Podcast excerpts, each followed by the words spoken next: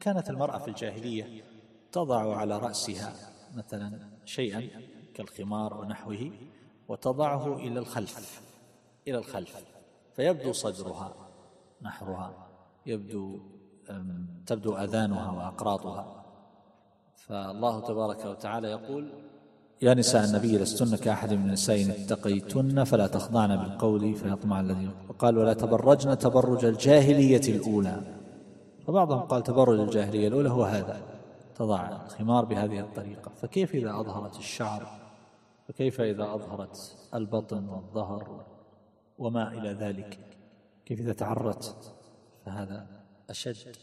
فكل ذلك من عمل الجاهلية تبرج الجاهلية الأولى. خلاف ما يتوهمه كثير من النساء أنها متمدنة إذا كانت متبذلة وأن التي تحتجب وتستتر وكذا هذه قروية وقديمة.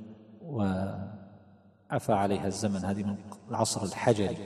إن وجد عصر اسمه العصر الحجري. وللأسف الشديد هذا يجد رواجا يجد صدى عند الكثيرات. ما علموا أن الجاهلة وأن التي فيها خصلة من خصال الجاهلية التي تبدي المفاتن. والله عز وجل أخبر عن آدم وحواء عليهما السلام في الجنة لما أكل من الشجرة. قال بدت لهما سوآتهما وطفقا يخصفان عليهما من ورق الجنة فالستر فطرة وقال ليبدي لهما ما وري عنهما من سوآتهما فنزع الثياب هو من عمل الشيطان وإغراء الشيطان وتزيينه.